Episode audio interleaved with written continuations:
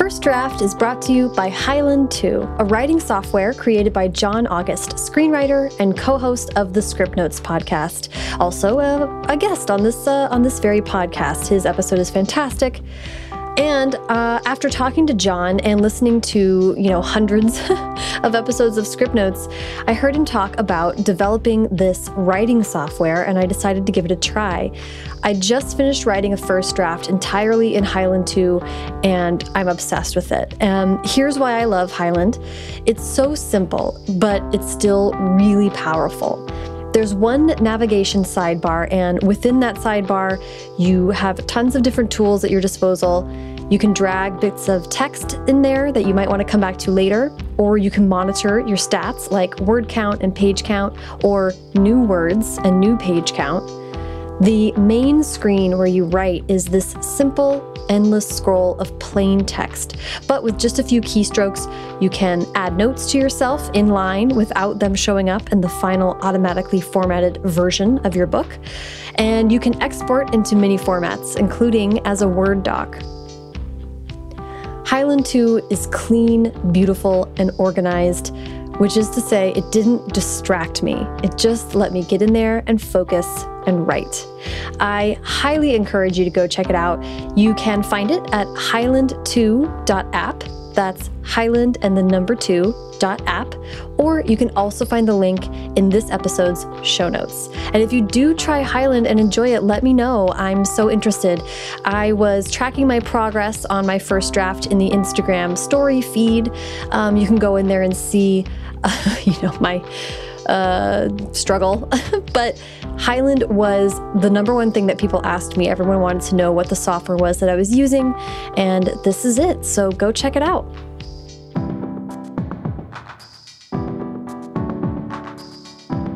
Welcome to First Draft with me, Sarah Enni. This week, I'm talking to Lennon Parham and Jessica St. Clair, comedians and actresses who together created, wrote, and starred in the TV shows Best Friends Forever and Playing House. Lennon can be seen most recently co starring in and directing episodes of Bless This Mess. And Jessica is currently co starring in Space Force, the Netflix comedy from Steve Carell and Greg Daniels. I loved what these two had to say about the Anne of Green Gables litmus test, writing themselves into best friendship, and how writing and starring in their first show landed each of them in the emergency room. Everything we talk about on today's episode can be found in the show notes. First Draft participates in affiliate programs. That means when you shop through the links at firstdraftpod.com, it helps to support the show and independent bookstores at no additional cost to you. If you'd like to donate to First Draft, either on a one-time or monthly basis, simply go to paypal.me slash First Draft Pod. Track Changes has been appearing in your feed for a minute now. That's the mini series within First Draft that gets into everything you don't know you don't know about book publishing in the US. We get into Publishing 101, agents, who they are, what they do, and how to get one, and selling your book from the perspective of both the author and agent, and in the most recent episode, from the editor and publisher's point of view. The next episode, which drops June 11th, will get into how authors get paid. If you're looking to get even more in depth about publishing, I've also created the Track Changes newsletter, where every Thursday I share more of the information I gathered in researching for this project. Sign up for a 30-day free trial of the newsletter and learn more about both Track Changes projects at firstdraftpod.com slash trackchanges. Okay, now, please sit back, relax, and enjoy my conversation with Lennon and Jessica. Hi, Jessica and Lennon, how are you? Good. We're good. Good. How are you doing? I'm doing okay in in pandemic adjusted terms, doing quite well. yeah, um, yeah, exactly. Everything is perspective right now. Exactly. Um, just to get started, and so that all the listeners know whose voice belongs to who, I would love for you to to um, introduce yourselves. Yes. Hi, I'm Jessica St. Clair, and I will be the one that's screaming into your earphones. and Lennon and I'm my best friend. I'm Lennon Parham, and uh, I I might feel like a calming Southern witch to you. Yeah. I, now everyone has go. a great visual for for the voices. I like mm -hmm. that. exactly, exactly. um, I'm so excited to talk today, and we're going to kind of touch on all kinds of stuff about you two as performers and as writers. But I want I liked on my podcast to start way back at the very beginning, so we can take turns. But I'd like to hear from each of you about where you were born and raised. Oh yeah, go for it, Len. Okay, I was born in Atlanta proper. We lived in a little house in Tucker, Georgia. Um, and then we moved when I was about four to Gwinnett County, which was expanding at the time and like very suburban, very like the definition of suburban. Um, and it was a great place to grow up and lots of like woods to run around in and icy rivers to dare each other to cross.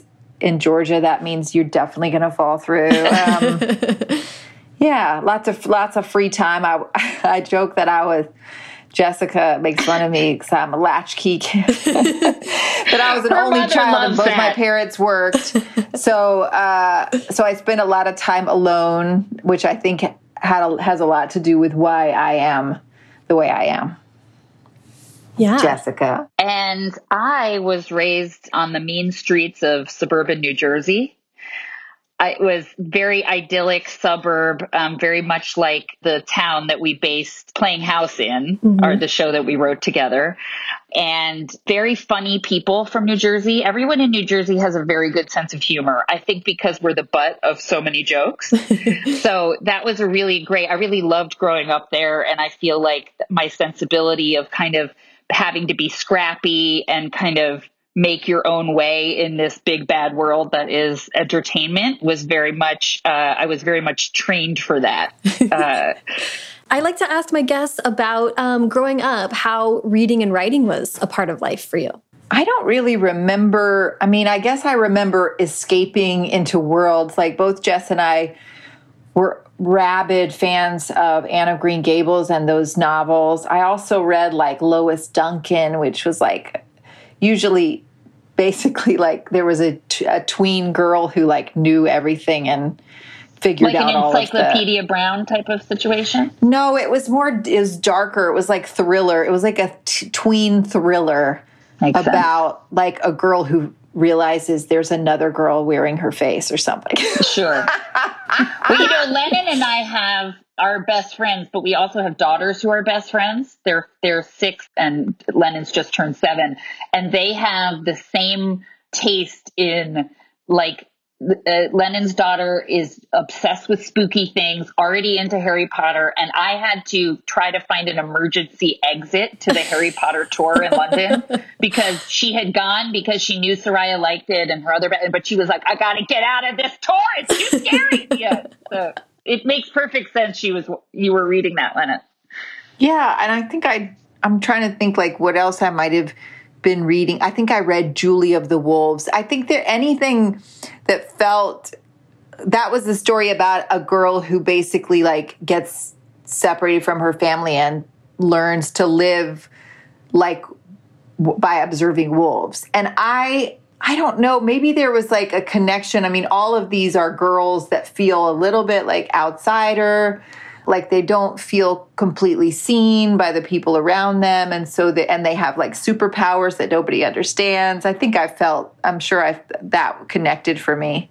As far as writing i remember writing i remember uh, not liking it but that people liked what i wrote if that makes sense. Like i remember thinking this is hard this is boring. Like, why am I doing this? And then people are like, well, this is really good, Lena. I'd be like, uh, I don't ever want to do it again. You know? That's how we feel now. yeah, exactly. I was going to say the self the self critic I think starts early with with a lot of creative people. Oh yeah. Yeah. What about you, Jess? What'd you read? Well, I, yeah, I don't mean to turn this into an Anne of Green Gables podcast, although I wouldn't hate it if it did become that. Please, nothing would make me happier. Wait, you have red? Are you a redhead, Sarah? No, I, I, have. I have. My mom is a more, more ginger than I am. I'm, pr- although it's growing in with who knows what, but I think it's reflecting some stuff uh, off the wall. okay, because you do look like an auburn tint. I, I always wanted to be after reading Anne. I mean, I was obsessed. Oh yeah, yeah, she's a yeah, and it's funny. I used to use Anne of Green Gables as like a litmus test. Like so like if I was courting a friend, you know, and I was like, "What do you know? What do you know about this book?" If they were like, "Oh, I'm obsessed," I'm like, "Okay, we'll be best friends." And if they were like, mm, "I wasn't really into it. I was more into like whatever our version of Twilight was," I was like, "Uh oh, see you later." um, so Sweet yeah, Valley High or Sweet Valley High. I mean, believe me, we all we all I read um, those too. We all dipped into Claudia Kishi and her and her her yes. exploits. Um, Why do you remember only Claudia Kishi? she was I, the I cool one. She was the cool one. Um, but yeah, so I loved books, but I loved especially books about the olden days, um, Pride and Prejudice, Jane Austen, all of those, and I still keep them like a total freak on my bedside.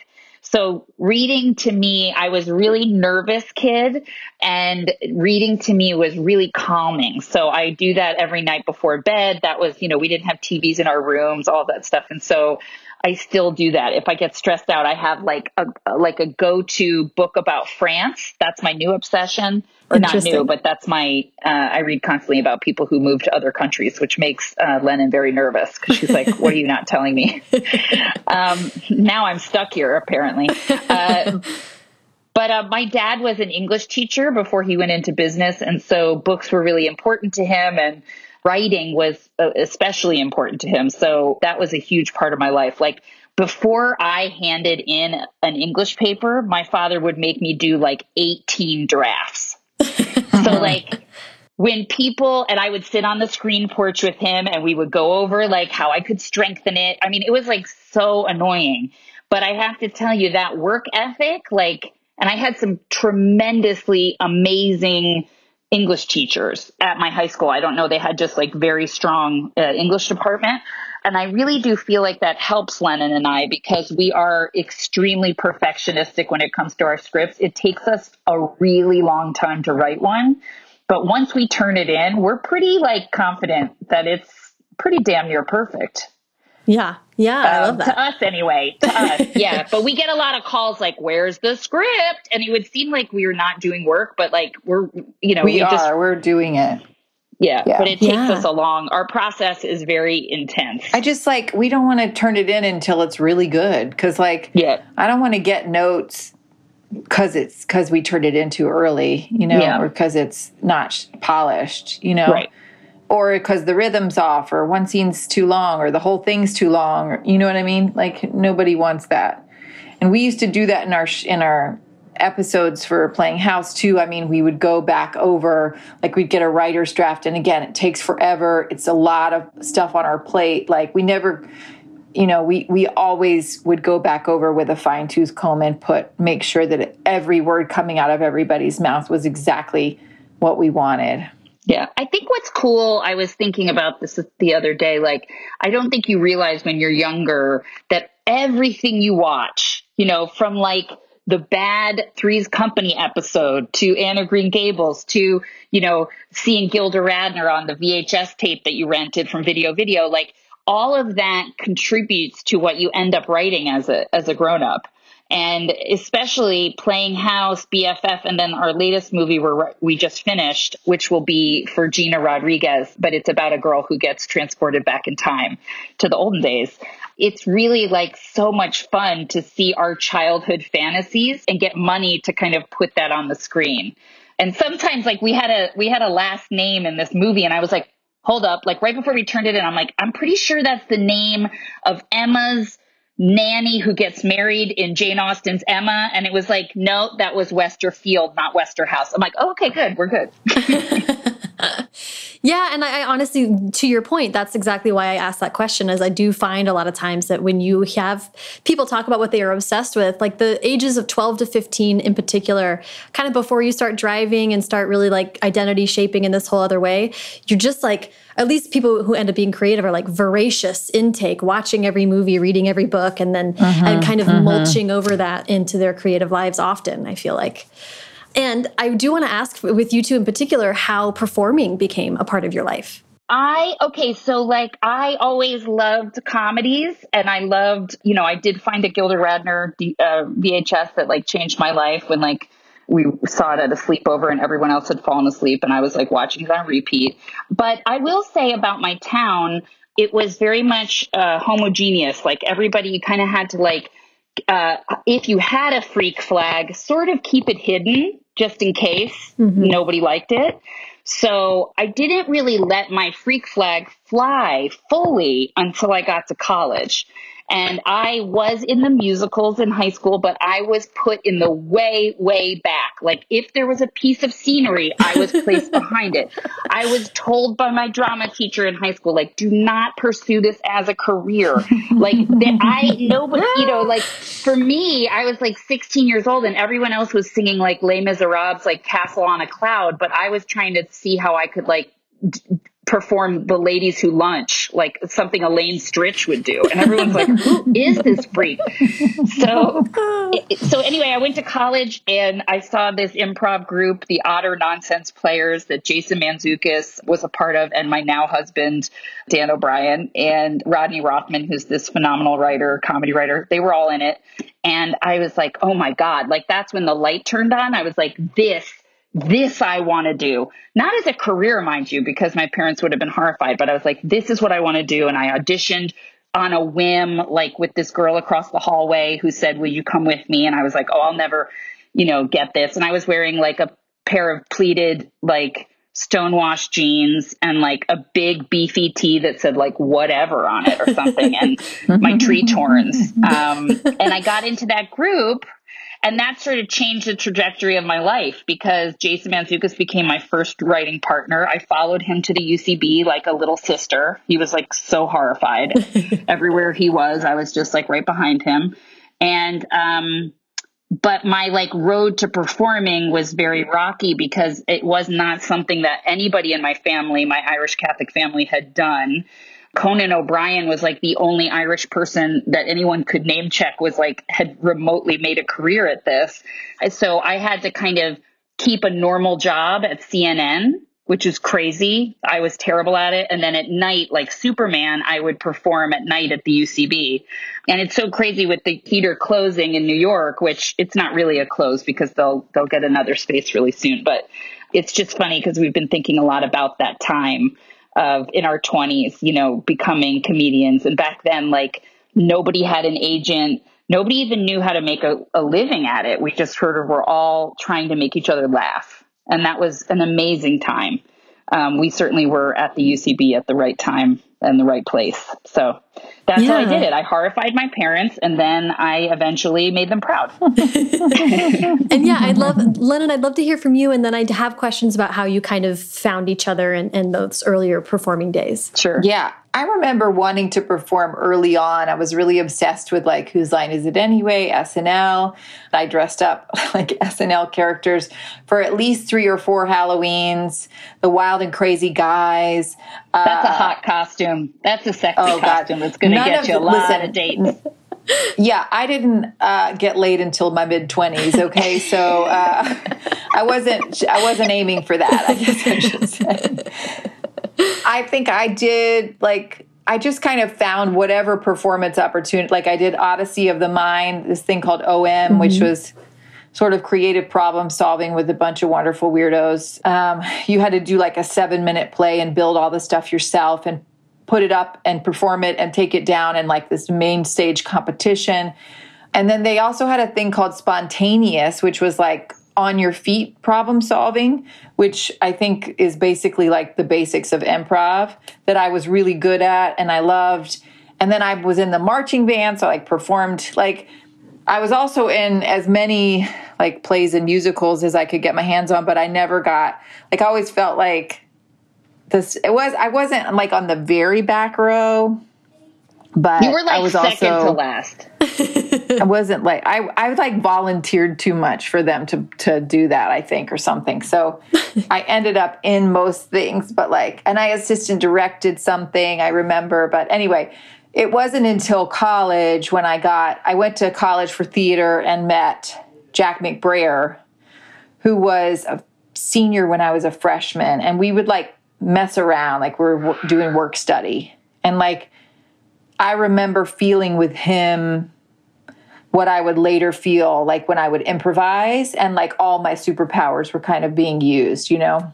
Yeah, I love that. Um, so I was attempting to like go to grad school for theater and stuff like that, and it just was not panning out. So I I did Teach for America instead, and then moved to New York, and then found Second City, and then found UCB, and then the rest is sort of history.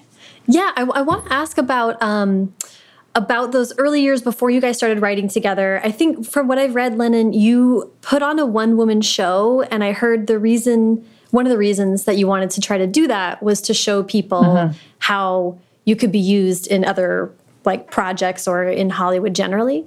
Yeah, I mean, I wasn't like intending to like show people that I could write, really. I was just trying to show like people all the fucked up stuff that was happening in my brain and that like I may look like a normal calm human that it, but it, in reality like my sense of humor is so whack and wild and dark and like the show had like Freddy Krueger murdering a little girl in it there was a solid gold dance character who like is teaching a you know a kindergarten dance class like trying to recruit parents and overdoes it with wine. She's drinking a Capri. I mean, she's smoking a Capri cigarette. I mean, it's just like insane. There was a dude who was like hitting on a girl at a bar. A Lithuanian. So, yeah, like it just was so cool. I, I just wanted to show. I think I just wanted to show. I mean, again, I was also trying to get on SNL at the time.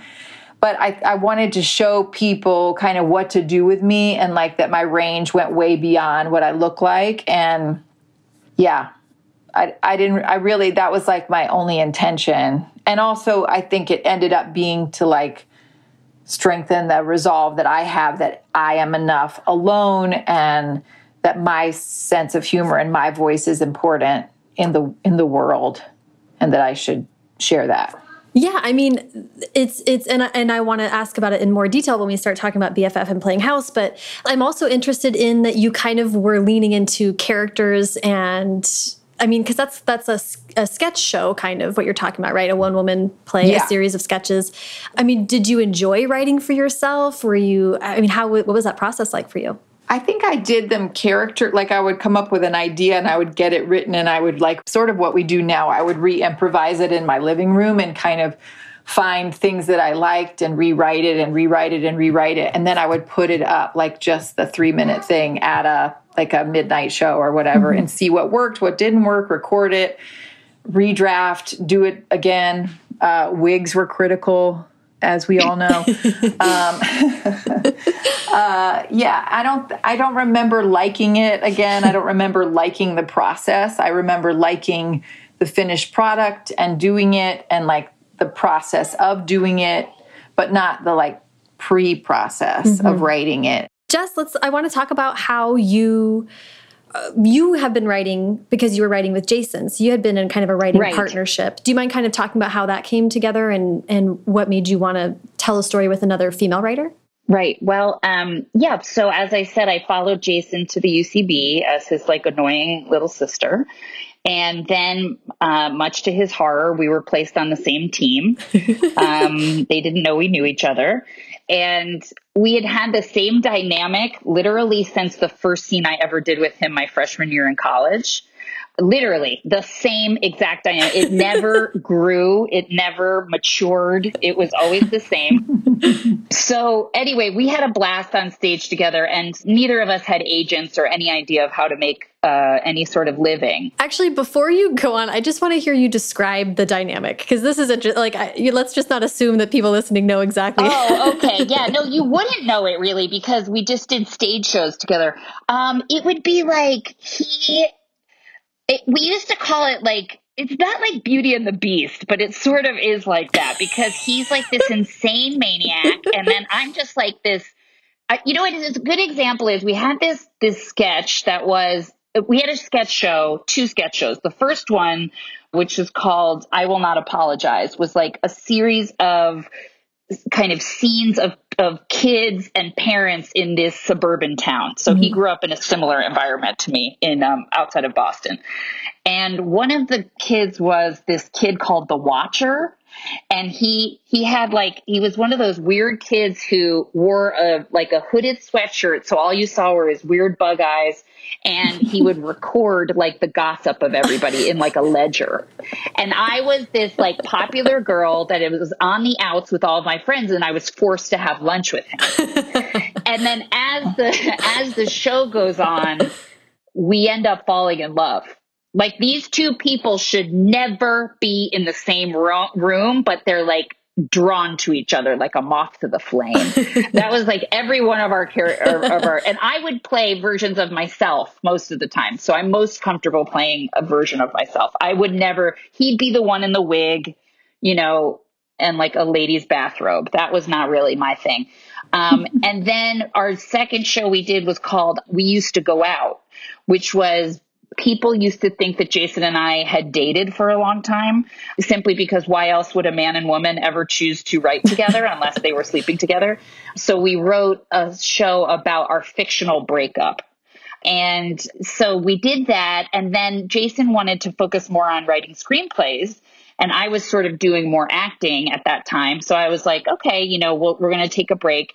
And I had a secret dream always that I wanted to write the types of shows that, much like Anne of Green Gables is my comfort reading material, shows like Gilmore Girls, I Love Lucy, Kate and Allie, these were all shows that were extremely comforting to me. My my girlfriends have always been a huge, huge part of my life. I've always had a true bosom friend, to quote Anne and Diana, always in my life since the time I was five years old. So I wanted to write that story, but I never, ever in a million years imagined I would find somebody who also wanted to do that. There were so few women, really. It's funny to think about it now because there's so many more, but when we started, there was not very many girls at the UCB.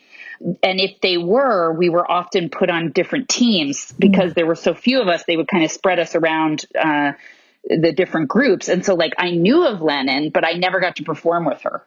I would just kind of see her across a crowded basement um, and wonder what she was up to being there. That something obviously terrible had gone on in her life that would have led her to this downstairs smelly basement, which of course now we miss terribly. And then when when I came out to LA, um, there were a lot of tears, a lot of missing New York. I didn't have any girlfriends out here yet, and Lennon came out for a pilot season. I came to see her show. I was again, it's like when you when you what you were talking about with Jack McBrayer when I perform with Jason there's this like magic and I felt that just watching Lennon's show. I was like oh my god like I feel this person. I want to devour this person whole you know? I want to wear her face as my own face. There you go Lois Duncan. And so stranger I, with my face. I like I wanted to make Lennon my friend, and I always felt from the very beginning, like like when you meet the person you're going to marry, you think like, oh, I've known this person all my life. Uh-huh. That's how I felt with Lennon and I. Yeah. So then we got together actually at the urging of our agent and manager, which is insane. Um, and we got together and kind of started talking about what kind of shows we want to do or what ideas and the thing we remember the most is like how much we laughed. I mean, it was so effortless, you know, at the mm-hmm. beginning, just like laughing, laughing, laughing. And I came home and I told my husband, like, I want to write with this person for the rest of my life. But that's how passionate I feel about certain people. And it scares most people. and he said, like, whatever you do, do not tell her that. That's so strange. Like, you're coming on too strong. And I don't know if I ever did tell you that, Lennon, until you were too far in. I think you did. I think the I think the first thing you did was say that. Like I think the next time we saw each other, really? you were like, "This is it. This is it. I hope God. you like doing this because this is it for you." when we pitched to and Gina, in my mind, I was like, I like doing this, but uh, I have my own will and can do whatever the fuck I want. You know that. But I also like, I want to be here. Yeah. And that's been our dynamic. Lennon and I have also had the same dynamic from day one. you know? Well, um, I, I, this is and this is so interesting. I so I write and, and I've taken improv and, and, performed a little bit, but I I'm always so curious to pick the brains of people that write and perform, and especially write for themselves. So I'm interested in the fact that you had the same dynamic right from the get go, and also that that Jessica, like you said, and I've heard you say in other interviews that like you're you kind of play versions of yourself and aren't as interested in going nuts with character but Lennon, you, it seems like you do kind of dig that, and and you know, in playing house, we've all seen mini a beard or funny costume, right? so I wonder how you, uh, just kind of how you found the rhythm or the types of stuff together that you were interested in writing. Well, I think initially we were just like, what would be fun, you know, like what's making us laugh. Our with the first thing we ever wrote was a pilot for HBO and we sold it we went we did like a week of pitches and and they paid us to write a pilot which was i think at the time like just like mind blowing um, and then we spent again hbo is slow and so are we so it was the first thing we'd ever written so it was like a, a year and a half of that of going that's back and way forth. too long like if you broke like it that down. remember christy said But yes. Christy said that it would take that long that that they because also we would turn it in and we would wait like months. Yes. But like if you broke it down hourly, we were making 0.5 cents on the dollar. Like point an hour. Like About how much time we'd spent writing, you mean? Yeah. But we'd never done it before. No. I mean you had. I mean, right, but I'd never really written a full. I guess I had done that too, but I don't know. We hadn't written together. You know, it's not like yeah. we went to like grad school for writing. Yeah, but I, we didn't like. I mean, we wrote it. We would lean on Jess's husband, Dan, who's a playwright, and like went to you know has a degree in writing and like what's conflict and like all that stuff. I mean, again, both of us were just like well, you know, in like Laverne and Shirley, like they just are in a prison. Like, what do we need to have? like, yeah. why do we need to have like A, B, C story? You know, so a lot of it was like, oh, what does like Save the Cat say? Or what do we, you know, what happens in our favorite episode of blank? And we would do, we would do like, we would just kind of learn up on our feet, like what what's working and what's not working. And our first pilot was about these two best friends that were living together in right across the river from New York City in Jersey, and that they were t- so close that it was like holding both of them back. But that ended up being kind of sad, I think, like mm. ultimately because we were working towards getting them apart, uh-huh. I guess. Mm-hmm. Yeah. Right. Mm-hmm. So the trajectory of that would have been kind of sadder.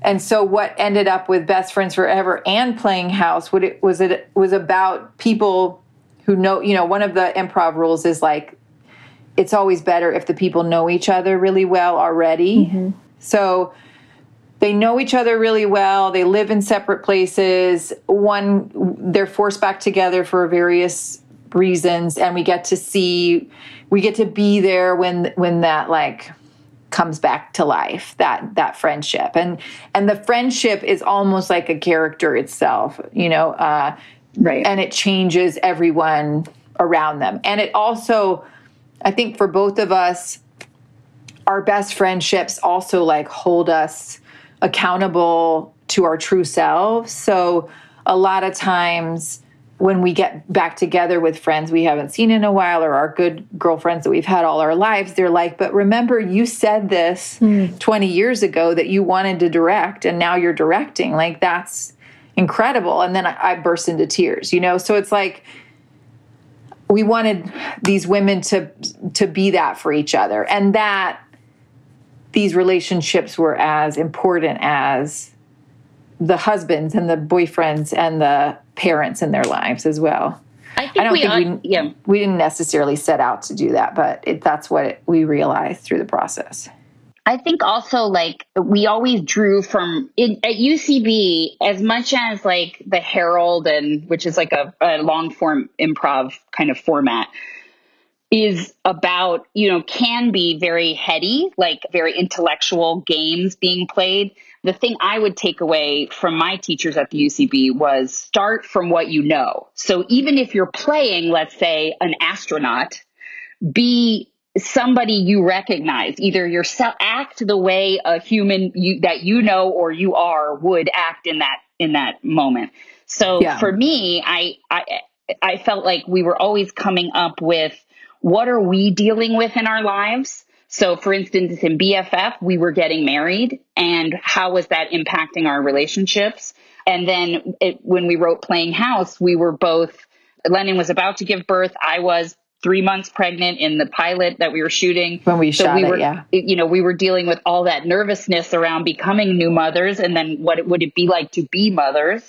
And so that's been, I think, something that has made it easier for fans to connect to our work because we're usually sharing a lot of very personal feelings. The the circumstances might be different, but what you know, the specifics, yeah. Yeah, the specifics. What's what's weird is that Lennon and I were not best friends when we started writing, but in writing about best friendship, we became best friends. Yeah. And then we would write about our real relationship, you know, like yeah, our real the, friendship. Because the dynamic that Jess and I have in real life, I mean, we hype it up and we, you know, exaggerate it for television, but the the dynamic that we have in real life and you know just like moving through our normal problems and family all that stuff is the same relationship that you see on screen. So it and, wasn't right. It, we didn't really have to go searching for like what do we do best? Like it just that's just how we are together. And then what was even even weirder was then when i got sick i got cancer Lennon took care of me because she is my best friend. And then we wrote about that. So, like, we wrote ourselves into a best friendship that then had this insane thing happen to the friendship. And then we wrote about that and mm-hmm. replayed actual real scenes that had happened in our lives, which was bananas. Yeah. Um, yeah. Yeah. so that's that's why I think when people are like, it seems so real, I'm like, it is real. Like we yes, that yeah. happened. Oh, there's so much there. I kind of want to. I want to go through BFF to getting to playing house and then ask about that, about kind of um, playing your real self. And it's uh, it's always so interesting to me where you kind of, you know, we talk about this with memoir writing, right? Like it's your real story, but also you get the opportunity to kind of make it worse, better, combine characters, all that's it's like the beauty of it. Mm -hmm. um, mm-hmm. but I want to ask about BFF because it was you guys kind of learning how to write together, and I did read that you had a pretty intense work ethic that sent you both to the hospital. So I want to ask about like the actual like day to day. How did you write, and then yeah. how did you kind of learn when and how you needed to pull back? Basically, I decided to move to LA to be because all my work was starting to be here. Uh, while we were writing our HBO show, both Jess and I were on uh, sitcoms, like one season of sitcoms. And my show got canceled within 24 hours after finding out that they, HBO was passing on our script. And I had also, we had already turned all of our notices in that we were moving. So it was happening. And when I came out then we basically we were furiously like coming up with like what's the next idea. We came up with that and then when i was out looking for an apartment we went around to production companies and pitched it. And we ended up working with scott armstrong who was on jess's famous uh, improv team called mother and uh, ravi nandan who was his partner at the time. And that led us to getting a blind script deal with nbc and so we could kind of write whatever we wanted. And it was kind of like the little pilot that could, right? Just like it was yeah, every step asked, of the way it was yeah. like you couldn't like you couldn't nobody could believe that it kept going. Like so nobody could believe that it went from like that we, we were having a table read. I mean, NBC changed hands. Like the president of NBC like got fired and they hired a new guy and so all the incoming pilots were not his idea. And so it was such a long shot because everybody that was beloved of our show like had was gone. Well, then they were like, "Hey, we gave out all the real money to other pilots, but we have yeah. like uh, like we literally have basically like ten dollars if you guys would like to shoot like a couple minutes of it."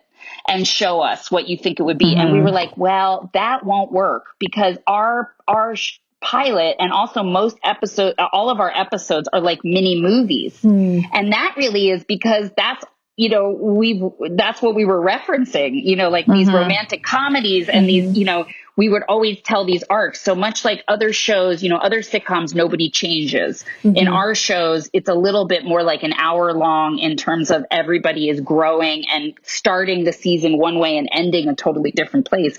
So in that sense, shooting a little teaser where like we put on a bunch of wigs was not going to cut it. So we took that $10 and we said, you know, we're going to shoot a full pilot on this.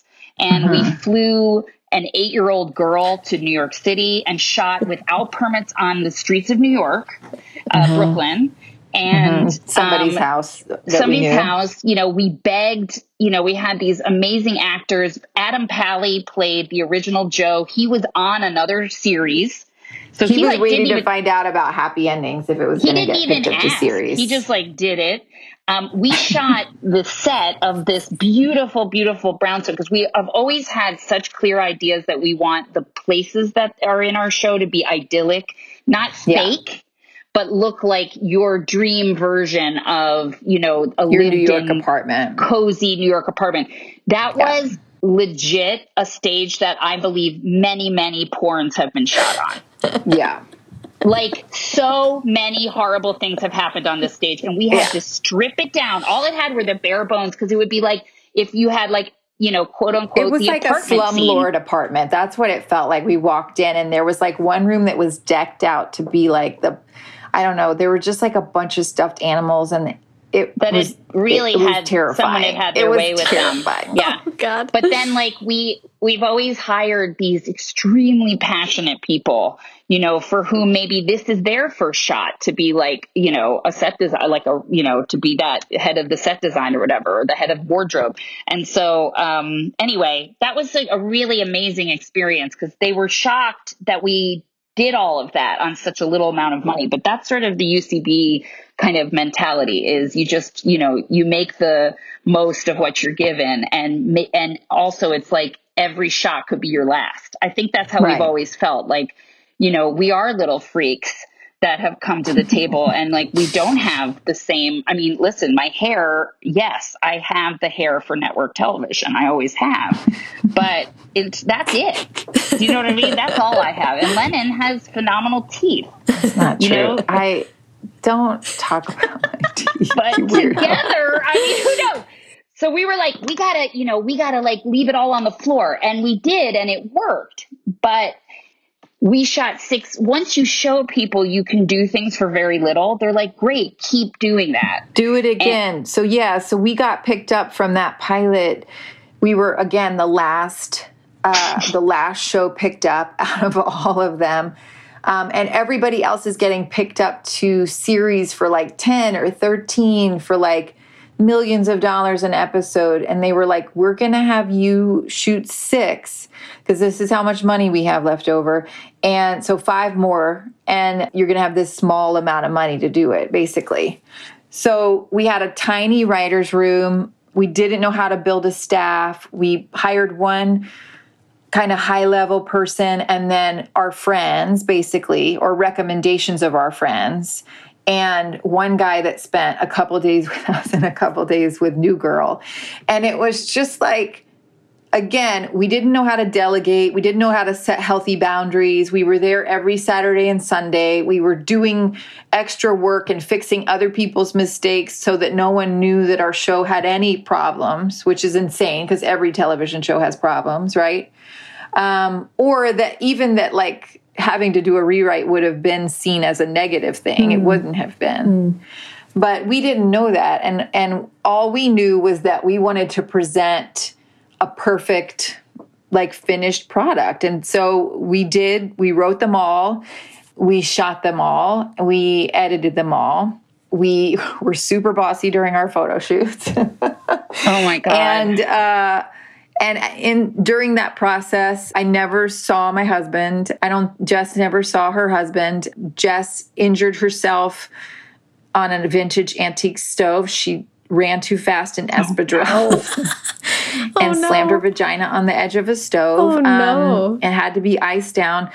I, uh, during the edit process, in between going from our LA shooting to New York shooting, I basically broke out in really bad hives all over my back. And then they were treated by an onset doctor. And then three days they came back even worse. Mm. And so I ended up two for two nights in the ER in New York City while we were shooting. And then Jess also ended up in the like an urgent care IV situation because she got food poisoning from a Sunday when we were there rewriting something and uh, she ate like bad like pasta or something. I just want to hear kind of in general. I know your writing process is kind of unique in how you actually get to scripts. So if you might, don't mind just yeah. kind of talking me through that. So we get a really amazing writer's room on a TV show, or if it's a movie, it's just the two of us, and we um, we break it like we really really break it. So that takes a long time um, to come up with the full characters and like this what the why we want why we're telling this story what we want to say with it um, what we're hoping to explore and then we break it like structurally and do like a really really really super detailed outline. If it's a writer's room i mean we'll spend maybe two weeks almost like breaking sort of larger arcs for the character because like we said we like our characters to like learn something and change. And then once we once we like if if someone else is writing it they'll take it off and kind of like write an outline and then they'll have us improvise for scenes that they feel like that they need our help for. And if it's our script we improvise the whole thing like the cold open, if it's the two of us and a terrible photographer, we will, uh, for instance, uh, from playing house, we'll act out our parts and also his part, and we'll take turns and we'll rewrite and we'll do basically different takes where we're rewriting in between each thing. Somebody transcribes all of those improvisations, and then we use that as our like sort of rough content to go through to to make our first draft. And we do what we call circle takes, where we go through together side by side and say, haha, we like the way this happens. Oh, this is an interesting way to enter the scene. Circle it. And then we start a new document where we actually start writing. And then rewrite, rewrite, rewrite. Yeah. yeah. So we'll like take, you know, literally copy and paste because we want like, we wanted the, we wanted to find a way. And actually, Jason and I, um, I wouldn't say invented it, but that's how we that's how Jason and I wrote, and that was merely because we had never written a script before and we were terrified of a blank page. So, mm-hmm. but but it ended up being a great way to capture the the real way people talk, because uh, instead of using your conscious brain while you're writing, and I think like really gifted like authors and you guys who are real writers, you guys know how to do that without having to act it out. But for us performers turned into writers, it's a very helpful tool. It does take a long time, and it used to take even longer because we didn't have a staff, so it was just the two of us transcribing handwriting it by hand. No, we would go back and like listen to the GarageBand tracks, and Jess would write it all out by hand. Wow, that is impressive. yeah, it's so crazy. But you know, it's funny, like in the process of like writing it out by hand, let's say, or even now reading through it, you're like doing a couple drafts in your head before you even put it down on paper. So that's been great. But like when we were taking forever on writing this movie, we actually sent a picture of us with our binder because the binder for the movie was literally mm-hmm. like, I mean, it was it thickest. Like that fat, like so fat.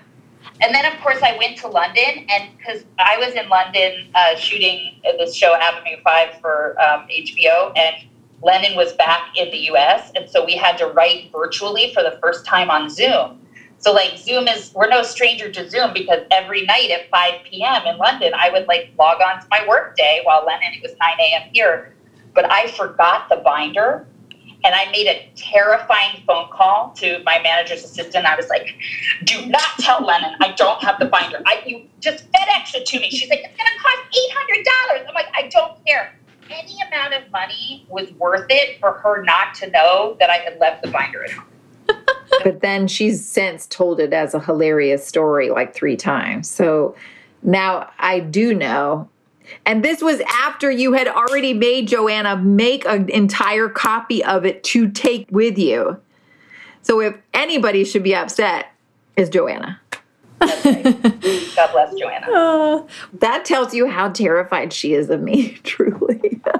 That's our dynamic. That's our dynamic. Like you would have thought, oh, what are you most worried about, Jessica? You just moved your family across the country. I'm most worried about getting that binder. I was like, is there a steamer ship leaving? Just get it. And then I was like making up excuses. I was like, ah, you know what? We haven't gotten into our house yet, so I can't work with you today. Like, just so she wouldn't know. It's amazing. amazing. So sad. Well, what is so? What's in the binder? Is that just all the all like the versions? American Tale. all of our all of our transcripts. Okay. Yeah, and the outline too. If we've written an outline, that'll go in there. Right. I, I this time was really interesting because Lennon and I are in this movie and it takes place in a different time, half of it. So I was convinced we wouldn't be able to do it. Like, because I was like, how are we going to improvise as British people from the 1800s? And Lennon's like, Lennon is always like steady Eddie, like we'll figure it out. And I'm like, this will go down in in flames. Like we have we have sold something we cannot write. And then when we first had to improvise as these people, like as like the cook or the mer- or the you know the maid, the lady's maid, or God forbid, Lennon and I on a date, like yeah. being courted and like having a picnic overlooking the English countryside. It yeah. was so embarrassing to me. Not to I me. was like, dream of dreams. Do not loved it. Every second of it and I'm like, I'm like, oh, I just like wh- which which region of England would you like an accent of? so what how does your style of writing together work over Zoom, which you did while you were in London, but you're also doing now that we are in shelter in place here in Los Angeles? We didn't do the um we haven't done the improvising over Zoom, but we did do the improvising over the over speakerphone when I lived in Brooklyn and Jess lived in LA, she prefers for us to be in the same room so that she can literally sit on top of me and make sure that I'm like going up at the right pace or whatever, or like make the font big enough. But so I keep it on my screen and then I screen share the script. So when we're doing like drafts of it, but uh, we basically had improvised, we fully improvised everything through the end of the film and had transcripts for it. And then we um, were building the scenes, and we were able to do that over Zoom pretty good. I thought it would be a disaster and it definitely wouldn't work. And Lennon was like, it's going to be all right. And then, and then it was all right. What was crazy is that, like, at the end of my day, like, who starts work at 5 p.m.? Like, what am I, like, driving a big rig? I was like, this is horrible. Like, I, at the literally at the beginning of every work session, I would be like, you are getting the worst of me. Expect nothing. And it would be like during dinner time and like my my six year old would run in naked, just like ah and I like I'd push her out of the room. Like it was just you know but But this is not it's not any different than any other day. Because you will be like literally you're like, just so you know, I am so sorry, but I am not gonna be funny today. Like that's how you start every work session. And I'm like, okay, I'll wait for the day for that to happen. That has never literally happened. and somebody's always running naked in the background of something we're doing. Always. always. Uh, well, I mean, what was that like pitching a movie that you guys weren't going to be in? That's so interesting to me. Well, we we came up with it like it was actually a really nice I think for both of us, a nice change of pace of like deep examination of our own friendship, you know? And it was a real like escape. I think the the story of it is sort of a fantasy escape to the olden days. It's about a modern day woman who works really, really hard and that no no matter how hard she works nothing is going to change and she does a kind gesture to a beggar woman and gets basically time travel back to the Victorian age and in a manor house where everyone calls her uh, Lady Anna. So it's a it's a modern day woman back in time, which I think a lot of us would love to be like in Downton Abbey right now, not worrying about any of this mess. Just like, how do you want your English muffin? You know and it was nice because I think we already learned the lesson we were writing about, which is that life is not all about work. that what matters the most is your family and your friends and experiencing the joys of life. That things mm-hmm. that don't have to be so hard. We learned that with BFF. Mm. You know, we learned that, you know, in some ways on the first two seasons of playing house, you know, and then yeah. I got sick. And it was like, so it was nice to write a story about that, but not not something we were currently living through, but something like a fantasy that we, you know, of the lessons we'd already learned. Um, but for a type A woman who wants to be like the perfect mother and the perfect everything, which both of us do, and we're like really have huge work work ethics where we always think it could be better, like that for us has is always a, uh, an uphill battle. It's always a struggle. I mean, I don't think like you know, I mean, we during this time our work for me has been an escape, which is kind of the opposite of what's normally happening, which is like 95% of my time is spent with working and then the rest is at home, you know, and now it's the other way around. So that's been an interesting lesson, but yeah, I can I can definitely relate to that, and a lot of people who are using work to cope right now. I put myself uh -huh. in that category for sure. Um, and and you were able to. How what was it like to work with a, that long of a script and telling one story over just the course of 120 pages instead of as a TV show? That feels very. That felt very daunting. Mm. Like that we were going to have to have three acts that were 100. Yeah, we were like, how in the world are we going to do that?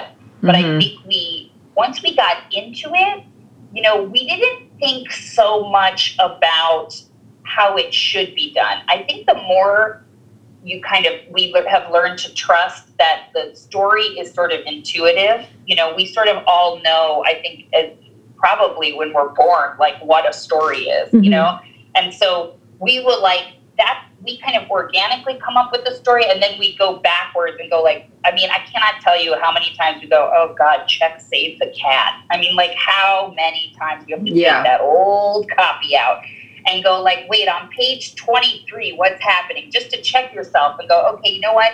That's why that feels too long. That's why act one feels heavy because we've taken 700 pages before she ever goes back to the olden days you know? So yeah structure is great, but I think you can get really bogged down and it can kind of stifle the creative process if you just are trying to write by, you know, mm-hmm. like paint by numbers type of thing. And that's sort of the opposite of our problem. Yeah. Yeah. I think I just kept saying, like, we wrote 26 episodes of television for Playing House, right? That's 30 minutes or 20 minutes or whatever. Like we've done this. We've written many movies by now. And a lot of our shows are little mini movies that were just basically like two or one, two or three minute scenes. And now we just get to have like bigger scenes and bigger and like have exposition and like write like descriptive, like about the English countryside, you know, uh, which a lot we, of people don't know that Lennon could be a professional um, what would I say the scene description? I don't know. I love it. I love it. She loves like just telling you like what's in the background. The horse is behind and sure. He's he's close at hand and she turns swiftly. Oh, it's so, oh, yeah. eyes locked. She's so good at it. It's the best. Lennon is very is has a really great structural mind. I feel like because she's like also has a math teacher for a dad, her brain works a lot more logically than mine does. And I'm more like you know, I can like jump into the middle of a passionate, you know, like scene and sort of start to act it out uh, by myself. But I think that's been a nice um, balance. You know what I mm-hmm. mean? Mm-hmm. But I, I, thank God that Lennon thinks that way because I certainly don't. Yeah, and I, I think that's a great thing to keep in mind for people who are interested in co-writing. Right? Is that it's about compatibility, but also about compatibility of what kinds of things you uh, can write and skill sets and all that stuff. There's yeah. a lot of layers. Um, do are you guys into? Uh, we'll, we'll, wrap it up. But are you guys interested in writing more movies going forward? Is that kind of? Did you like it, that feel? I did. Jess. Yeah. yes, I loved it. I mean, I you know, for us to be able, and we're and we keep putting out in the universe like this movie will be made. You know, it, we we said to the guy who is the wonderful um, guy at Universal Executive. who bought it, we're like, we were like, we'll be the only writers on this. And he was like, that never happens. I was like, watch. And like, it, it's true. Like he, you know, at this point we've run, we've written how many drafts? It's just been us. Um, I think to have a movie that's the ultimate comfort food, right? To have like, when do you throw on when Harry met Sally? When do you throw on my best friend's mm-hmm. wedding? When do you throw on any version of Emma? You know, when do you throw on Pride and Prejudice? It's like to have to create something like that. It feels a, in some ways so much more lasting than television, mm-hmm. and I, I I would love to do it again and again and again. You know. I love that. That's fantastic. Um, well, I, I'm so, it was such a thrill to talk to you guys. I, I do like to wrap up just with advice. So I'd love to hear advice for people maybe who are starting out and would like to write with someone uh, for TV or film. Hmm. I think it, I think it's uh, the first thing that you need to do is practice and like find a group of like weirdos or somebody that you feel seen by and that ultimately that makes you laugh. People that are better than you at what you at what you want to do like hang around them ride their coattails to the ucb uh, like find ways to create with them stuff that you're proud of and like develop that inner the voice um, because you'll need that moving forward you'll need that confidence and trust in your own voice hmm. mm-hmm. anything to add jessica I guess I would say to myself something I have to say to myself, which is that, and I know this sounds so cliche, but nobody is going to see the first draft. Like, do not get, I will get stuck like on the page two and I'll want to keep combing over it until it's perfect. And Lennon will always say, We're moving on. We are moving on. You will have time to come back and mm-hmm. perfect it. But the most important thing and I think it's Brene Brown who calls it the shitty first draft. You've got to get that first draft out. And you have to silence that critical voice inside of yourself that's going to tell you to give up because it's scary. Because when it feels scary, that's when it gets really good. Yeah, I love that. Well, this has been such a joy. It was so fun to talk to you Thank guys. You, Thank you so much for giving me all this time. Um, and I will make sure that you um, all you guys all know when it's gonna come out. Okay, yeah. Thank you. Thank you so much to Lennon and Jessica. You can find Lennon on Twitter and Instagram at Lennon Parham, and Jessica's on Twitter at Jessica underscore St. Clair, and on Instagram at St. Clair Jessica. You can follow me on both at Sarah Enni and the show at First Draft Pod. This show is brought to you by Highland 2, the writing software by writers for writers. And update, I am actually working on my revision. It's awesome. And I'm doing my revising notes in Highland 2 in green. It's very soothing. A quick and easy way to support First Draft is to subscribe to the podcast wherever you're listening right now and leave a rating or review on Apple Podcasts. Leaving a rating or review on Apple Podcasts only takes a couple minutes, but it has a truly disproportionate impact on the show. It really helps to boost it and get it in front of new listeners. I'm going to read a recent review. This was left by J. Lucy Bry. J. Lucy Bry says, A must listen. What a delightful podcast. Sarah is a gifted interviewer whose laid back style makes you feel as though you're listening in on a couple of author friends chatting over coffee. Well done and entertaining with an interesting variety of guests. Thank you so much, Jay Lucy. That's just so nice to hear. Those are my favorite kind of shows to listen to. So I'm really glad that it is kind of that relaxing conversational vibe. Thank you for leaving that review. Finally, if you have any writing or creativity questions that you'd like me and a guest to answer in an upcoming mailbag episode, please call and leave that question at First Draft's voicemail. That's at 818 533 1998. Or you can record yourself asking the question and email that to me at mailbag at firstdraftpod.com. Haley Hirschman produces First Draft, and today's episode was produced and sound designed by Callie Wright. The theme music is by Dan Bailey, and the logo was designed by Colin Keith. Thanks also to transcriptionist at large Julie Anderson, and as ever, thanks to you, true bosom friends, for listening.